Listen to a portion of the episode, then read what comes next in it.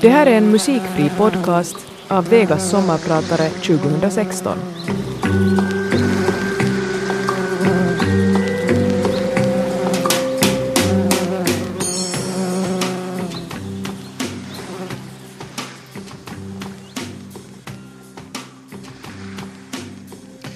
Vad har Paris, Göteborg, Gdańsk och Viborg att göra med varann?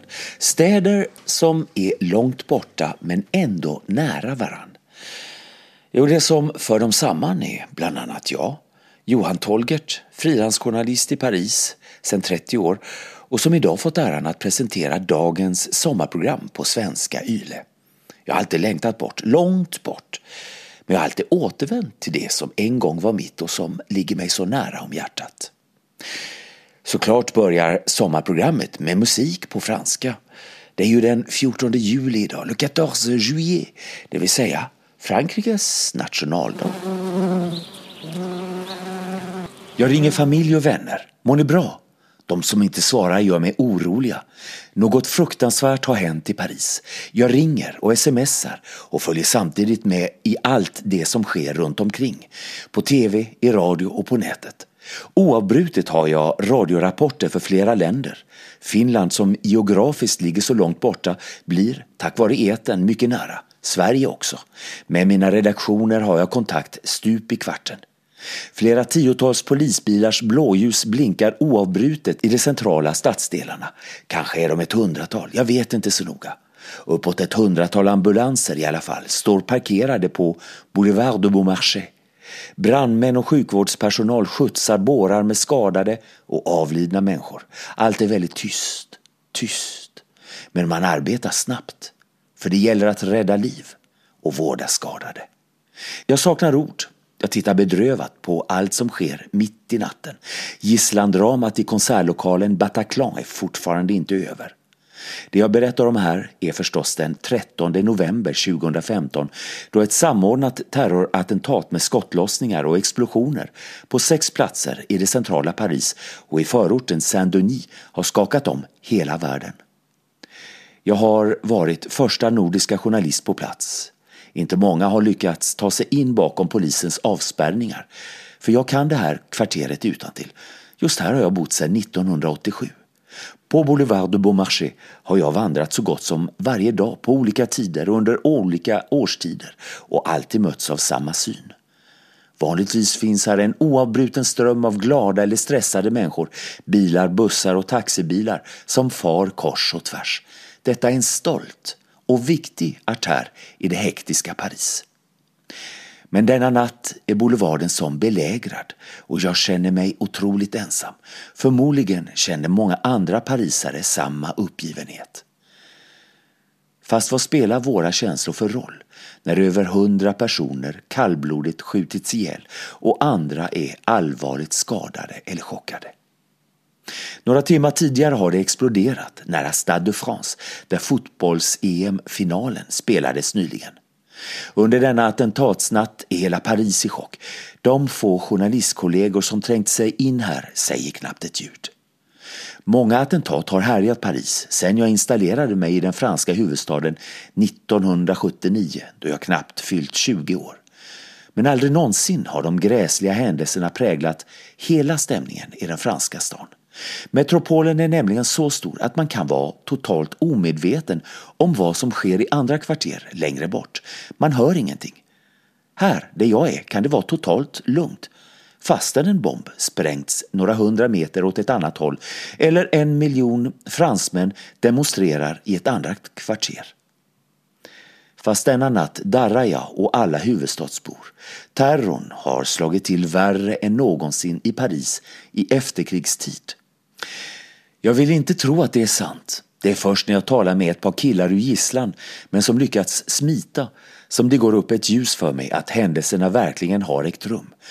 De är inte skärrade, utan bara konstiga. Med en blick nära men ändå långt borta.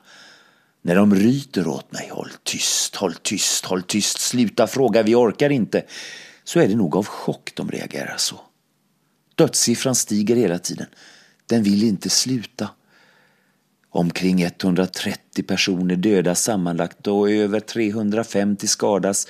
De flesta har befunnit sig i konsertlokalen Bataclan, där jag alltså står i närheten. Jag ringer min danske radio och tv-kollega i Paris, tänker att vi kanske behöver peppa upp varann. Vi talar hastigt och kort på mobilen men vi lyckas inte ses, för han står utanför spärrningarna. Bara några månader tidigare, i januari 2015, har dödsskjutningar härjat på satirtidningen Charlie Hebdo som också låg i mitt kvarter. Där dödades flera kända tecknare, varav jag kände två stycken. Några år tidigare så hade jag besökt tidningens lokaler och blivit överraskad över att säkerheten vid entrén var så löjligt låg. Det påpekade jag för personalen innan intervjun, men de tog det inte på allvar. Det räckte så här. Ingen kommer att våga ge sig på oss, sa de. Tyvärr hade de fel. När jag möttes av nyheten den januaridagen att dödsskjutningarna ägt rum så ville jag inte tro på det heller först, men det var också sant. Och därefter kom ett gisslandrama i en judisk butik att prägla utvecklingen. Allt var så tragiskt. Ensamheten är total även denna vidriga novembernatt. Först vid gryningen går jag och lägger mig. Det blir en kort sömn. Och nästa dag, ja då är kylan ännu värre. Få vågar eller vill ge sig ut i det grådaskiga Paris. Chocken har lagt sig som en smog över den tio miljoner stora jätten. Men med tiden har den kommit att lätta. Ett gammalt ordspråk säger att fransmännen har ett kort minne, på gott och ont. Och idag har de flesta redan glömt vidrigheterna från förra året. Bandet Feu Chatterton med La Malange tyder på att vi är kvar i Frankrike. Svartskalle det var det omöjligt för fransmännen att kalla mig, för jag är blond som mamma. Pappa hade däremot svart hår och min syster har en kastanjefärgad nyans. Jag var alltså blond. När vissa parisare skulle skälla på mig så blev det blondskalle, tête de blond. Men illviljan var densamma, som om man rytit svartskalle. Många är de fransmän som velat stöta ut mig ur gemenskapen när jag flyttat dit och de har talat om hur underlägsen jag borde vara som kom från ett land med isbjörnar på gatorna. C'est pas vrai, det är inte sant. Sverige är ett av världens rikaste länder sett ur BNP och Finland ligger inte långt efter. Vet ni inte det? Non, c'est pas vrai, det är inte sant, svarar de. Så fler än en parisare hånskrattade åt mina argument och ville pränta i mig att alla nordiska länder saknar kultur. De är riktiga uländer jämfört med Frankrike och vår anrika stolta historia, sa de. Förmodligen så sov dessa fransmän under historietimmarna eftersom de inte känt till att i alla fall Sverige en gång i tiden var störst i Europa. Sverige och Finland var ju ett och samma land under lång tid har jag talat om för dem. Men kritiken gick inte att stoppa. Det är lätt att ta sig vid och känna sig illa till mods när ingen tar ens försvar utan hoppar på en. Så visst, jag kände mig till slut underlägsen. Jag var en invandrare i Frankrike. Jag fick uppleva all skit som många immigranter får uppleva i Norden. Jag blev givetvis chockad över den bryska behandlingen. Jag som stolt ställt mig upp för franska ideal i mitt födelseland Sverige insåg att jag var så gott som ingenting värd här. Fast detta var förr i tiden, på 80-talet, när jag var ny i Paris. Idag har läget förändrats ganska mycket. Tyvärr är väl inte alla andra länder lika populära och främlingsfientligheten finns idag riktad mot immigranter från andra håll. Men både Sverige och Finland är hur populära som helst i Frankrike. Fransmännen har börjat resa utomlands och lära sig främmande språk som engelska, tyska och spanska. Detta har öppnat många människors nyfikenhet för andra länder som just Sverige och Finland. Länderna är en förebild och som lockar många fransmän att komma till oss på besök, studera och till och med bosätta sig uppe i norr. Ofta slutar det med l'amour, kärleken. Titt som tätt så hamnar jag i oväntade situationer och får kontakt med någon som besökt Finland. Under de hemska terrorattackerna i Paris i januari 2015 då terrorister sköt ner flera serietecknade på satirtidningen Charlie Hebdo Ja, därefter så blev det alltså en hemsk attack mot en judisk matbutik i utkanten av stan. Jag lyckades även den gången komma nära affären där gisslandramat pågick för att rapportera. Efter flera timmar på plats så var jag tvungen att skaffa mig lite mat. Alla butiker i kvarteret hade omringats av kravallpolis. Läget var fruktansvärt spänt och jag tänkte hela tiden på de stackars människor som var gisslan i den judiska matbutiken. För att skaffa lite mat så skulle jag vara tvungen att gå ut bakom polisavspärrningarna till något brasserie. Men då skulle jag inte kunna ta mig tillbaka in igen. Den chansen ville jag liksom inte missa, för då hade kanske lyssnarna gått miste om något viktigt. En butiksägare såg förtvivlad ut. Denna dagens förtjänst var förstörd för honom. Eftersom här inte var en enda kund i sikte i dramatiken med alla polismän så höll han på att stänga. Vi började samtala och när han frågade mig för vem jag rapporterade för så svarade jag givetvis Finland, La Finland. Och för första gången denna dag så kom jag att le, för han nickade och sken upp. Jobbar du för svenska YLE eller finska YLE undrade han. Oj, svenska hann jag knappt svara innan min fråga kom. Hur kan du känna till det här? Det är ju så ovanligt att känna till det i Frankrike. Jo, men l'amour, kärleken, förde mig till Finland och jag bodde i Helsingfors under ett par år, berättade butiksägaren. Han undrade om jag var hungrig. När jag svarade jo vars, si si. Ja, då gick han ut i köket och hämtade en stor sockerkaksbit som jag snabbt mumsade i mig. Merci, sa jag och tänkte vilken nytta Finland, som ligger så långt borta från Paris, skulle bidra med i detta allvarliga ögonblick. Världsberömda ikonen Françoise Hardy som här sjunger Je suis moi, jag är jag, en av många kända fransmän som jag träffat. Henne har jag intervjuat flera gånger. Några andra är nobelpristagaren och författaren Patrick Modiano, president Hollande, sångarna Juliette Cricot och Charles Aznavour, bandet Daft Punk och filmregissören Luc Besson. Liksom Monsieur och Madame Dupont, alltså herr och fru Svensson, som jag sätter lika stort värde på att träffa som kändisar. Demonstrationer och strejker har löst av varann under 30 års journalistik i Frankrike. Detta är typiska vardagsbilder från det här landet. En minnesrik och lite lustig träff var med en av landets mest kända, älskade och hatade personer just nu. Och intervjun den har jag återigen Finland att tacka för. Han omges alltid av en massa livvakter och andra kända människor. Det är mycket svårt att få intervju med honom. Av en händelse så fick jag reda på att han skulle komma till franska radiohuset. Eftersom jag har ett laissez-passer där, alltså ett passerkort, så kom jag lätt in i lokalerna. Kan jag få en intervju för finsk tv? ropade jag i vimlet. Min kameraman var med. Inte var jag ensam utan här fanns också många konkurrenter, de flesta franska journalister.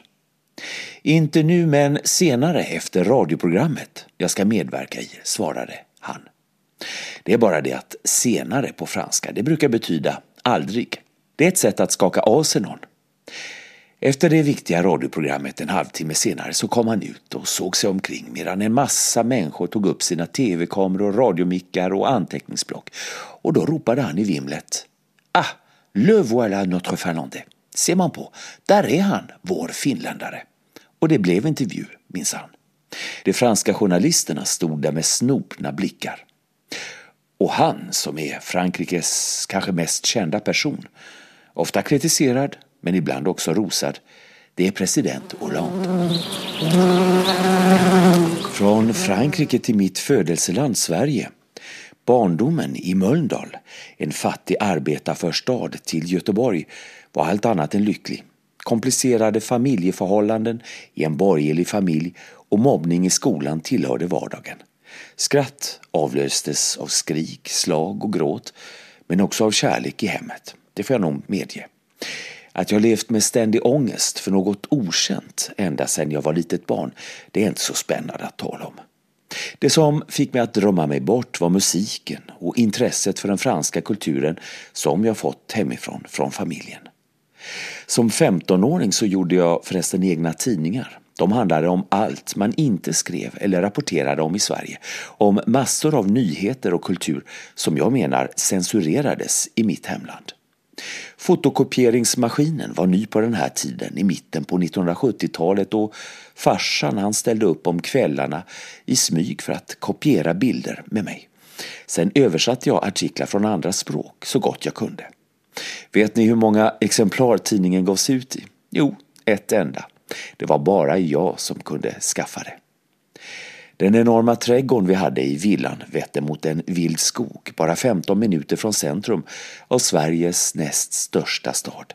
Älgar, rävar och rådjur gömde sig bland granarna. Vi hade enorma rabatter av rosor, röda rosor, som sköttes om av en trädgårdsmästare. Men jag hittade aldrig hem i Sverige. Det har nog ingen i vår familj gjort.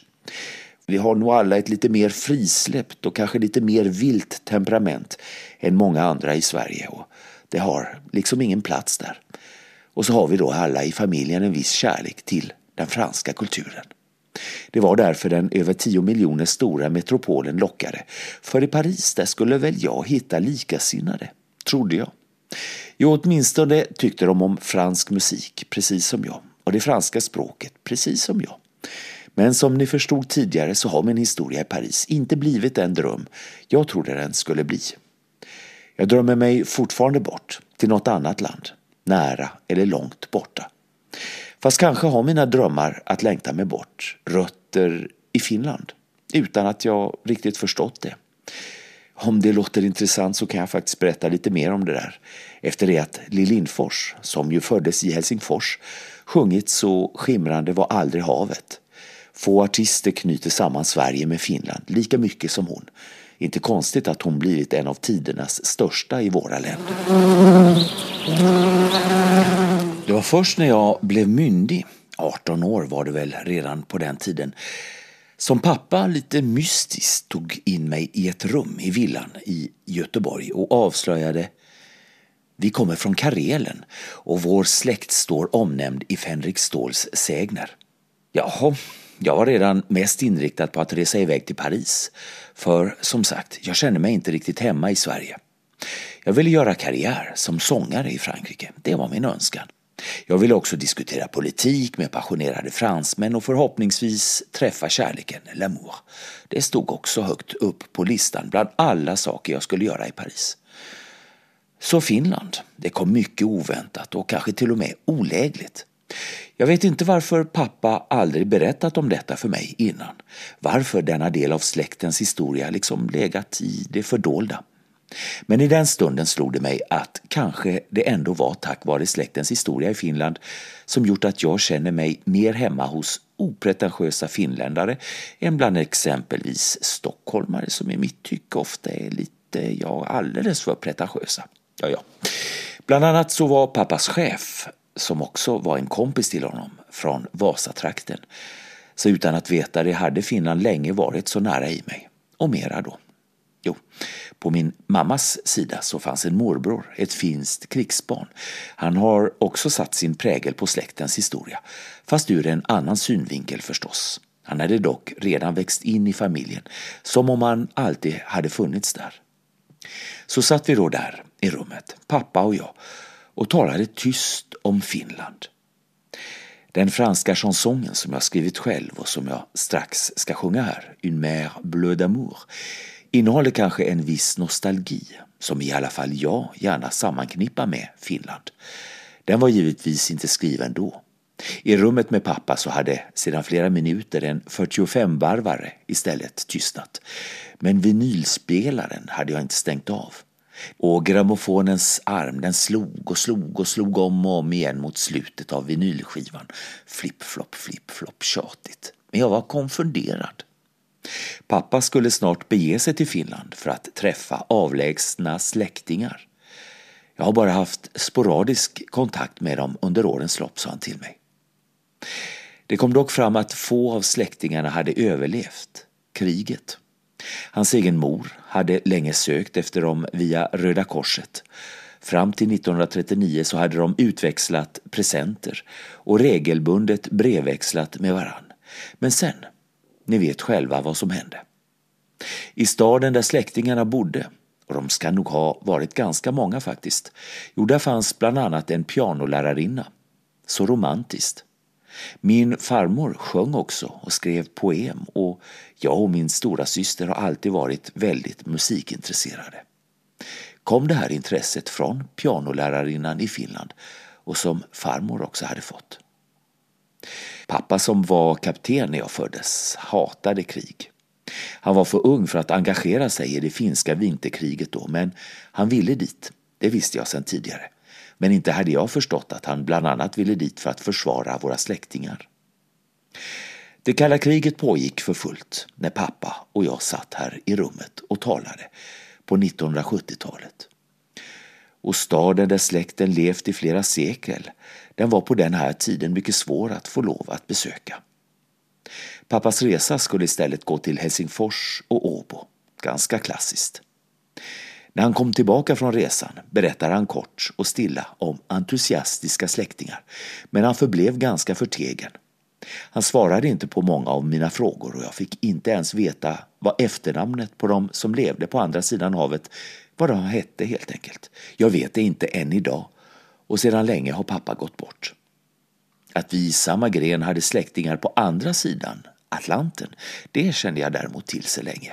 En av dem gjorde förresten stor karriär som manusförfattare till den populära amerikanska tv-serien MASH, en komediserie om kriget i Korea på 1950-talet. Pappa kände honom, det var hans kusin, men jag råkade honom aldrig. Finland låg mig däremot närmare om hjärtat. Det var så nära men ändå så långt borta. Och det var ett mer mystiskt land än USA. Bra musik fanns där också. Jag gillade till exempel Marion Rung som tonåring.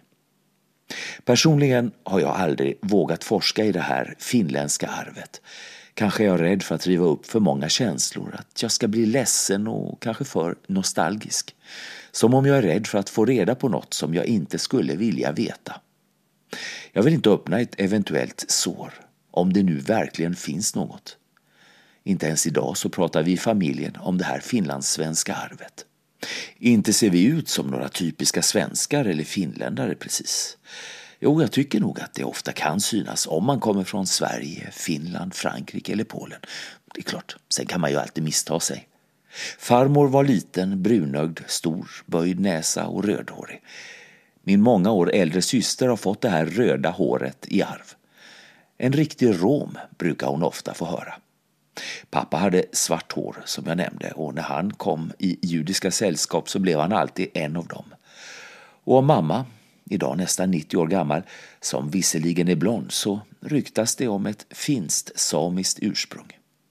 Mina breda kindknotor brukar främmande människor ofta tolka som om det finns något asiatiskt ursprung någonstans. Men jag vet ingenting och vill nog inget veta. Kalla mig fegis om ni vill, så är det bara. Fast när jag skulle bygga upp ett litet sommarhus i Laholmsbukten i södra Halland på svenska västkusten, ett ställe med badrocksavstånd till havet, ja då blev det ett finskt trähus från Karelen. Det är i det jag känner mig hemma och varje sommar när jag kommer tillbaka så sätter jag nyckeln och träder in, ja då blir jag så lycklig av att känna doften av finsk gran. För det doftar ljuvligt här i huset. Staden där jag har mer släkthistoria än jag förmodligen någonsin kan ana, det är Viborg som är titeln på franske superstjärnan Julien Dorés hit. Vi stannar kvar i Finland. Jag kan inte många ord på finska, tyvärr. Några ord har jag snappat upp utan att egentligen veta vad de betyder. Trots att jag var oerhört blyg så hade jag envist startat frilansandet och fick starta göra program på Sveriges Radio i början på 1980-talet. De första åren i Paris arbetade jag dock på kontor. 1985 så började jag jobba med Svenska Yle och ringde alltid via telefonväxeln. Keskus, sa alltid de artiga tjejerna där när de svarade. Keskus, tänkte jag. Det låter ju som det franska ça va? Ça va som betyder hur är läget? Allt bra? Jag tänkte, oj så artiga damerna var här då. Så för att sprida lite artighet tillbaka så sa väl jag också keskus. Och till min stora glädje svarade tjejen keskus. Hon förstod mig, hurra! Nu kan jag prata finska. När jag frågar sava så svarar du sava. Har man inget att säga så fortsätter man så här på franska. Man kan sava i flera minuter. Fast när damen efter ett tag började låta lite irriterad med allt keskussande så började jag ana oråd. Jag bytte ämne och undrade om nyhetschefen fanns på plats. Hon kopplade fram mig. Så fort nyhetschefen svarat så ställde jag frågan. Visst betyder väl keskus något i stil med sava, allt bra? Nej, svarade hon. Det betyder telefonväxeln på finska. Jag blev nog lite röd i ansiktet för visst hade jag gjort bort mig. Bäst att ta färjan från Helsingfors till Gdańsk i Polen. Kom tillbaka dit där du hör hemma, sjunger polska stjärnan Irena Santor i sin klassiker från 1960-talet, Powrócisz tu. Till mitt bröllop där för många år sedan så kom vänner från Finland, Sverige, Frankrike och ett par andra länder. Det var mycket internationellt. Då jag något år tidigare hade varit jurymedlem i den internationella sångfestivalen i polska Sopot så hade jag fått en tolk som visserligen var söt men visst skulle jag akta mig för henne. Så kändes det, konstigt nog. Sångtävlingen hålls utomhus i en granskog i Sopot. Marion Rung har förresten vunnit den här sångfestivalen flera gånger. Eftersom de sena augustikvällarna kan vara rätt kyliga så hade jag tagit med en filt från hotellet. Men inte skulle jag låta min tolk få sitta på den, det hade jag bestämt. När orkestern startat och filmkamerorna sände bilder från evenemanget till en massa olika länder så säger tolken försynt och gulligt Kan jag få sitta på din filt? Och vips, jag glömde bort att jag bestämt att hon på inga villkor skulle få dela den med mig. Ja, visst får du sitta på den, sa jag och ursäktade mig för att inte ha föreslagit detta tidigare. Jag skulle ställa mig upp i direktsändningen för presentation. När konferencieren ropade upp mitt namn så hörde jag dock ingenting. Jag var i full färd med att diskutera och prata med den söta tolken. I tv-sändningen så syns hur någon puttar till mig och drar mig i armen så jag äntligen ställer mig upp. Ja, så började det. Ett år senare så blev det bröllop i Gdańsk som är en av mina favoritstäder i Europa med sin gamla vackra stadskärna. Min fru och jag gifte oss i rådhuset på huvudtorget, Dogitarg. Vi promenerade till bröllopet för hon bodde på samma plats. Så småningom blev det flytt för henne till Paris. Hon kom ut från landet som på den här tiden fortfarande låg bakom järnridån. En son kom till världen några år senare, född i Paris och han talar flytande franska, polska och svenska hemifrån samt ett par andra språk som han lärt sig i fransk skola. Jag brukar säga att grabben är det bästa jag åstadkommit i mitt liv. Han är förresten passionerad av fotboll och följde intensivt alla EM-matcher i Frankrike nyligen. Redan som 15-åring startade han flera fotbollsklubbar på amatörnivå och som binder samman unga och gamla samt fransmän och immigranter och rika och fattiga. Den låt jag tycker mest om av alla är dock portugisisk A Festa da Vida med Carlos Mendes, Livets glädje.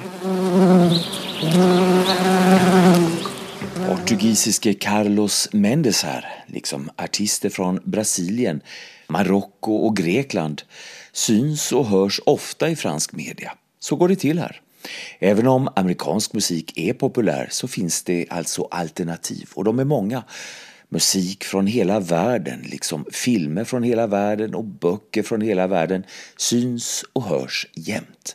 Det går att välja och vraka bland världens alla kulturer på ett underbart vis. Här är fransmännen verkligen allt annat än instängda och det ger mig lusten att leva i Paris. Liksom många vänner från Frankrike och andra länder som jag har här.